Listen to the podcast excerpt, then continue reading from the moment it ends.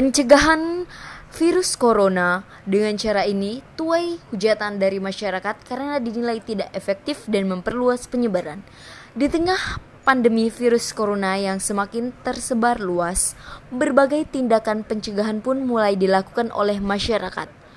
Mulai dari menyediakan hand sanitizer di berbagai tempat umum sampai mengecek suhu pengunjung menggunakan alat termometer.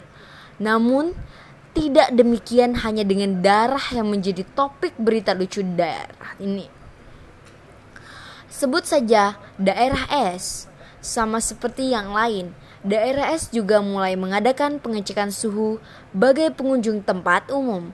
Akan tetapi, beredar sebuah video mengenai cara pengecekan suhu di daerah S yang membuatnya dikecam oleh masyarakat. Bagaimana tidak? Semua orang tahu kalau cara mengecek virus ini menyebar lebih luas adalah dengan mengurangi kontak fisik. Namun, tidak demikian halnya yang dilakukan oleh daerah S. Alih-alih menggunakan termometer tembak atau otomatis, daerah S justru menggunakan cara manual, yaitu dengan menempelkan punggung tangan di dahi para pengunjung.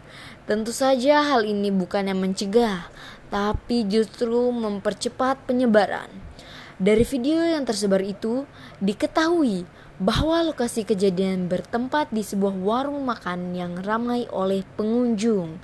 Memang, baik pegawai dan pengunjungnya sudah diimbau untuk menggunakan masker.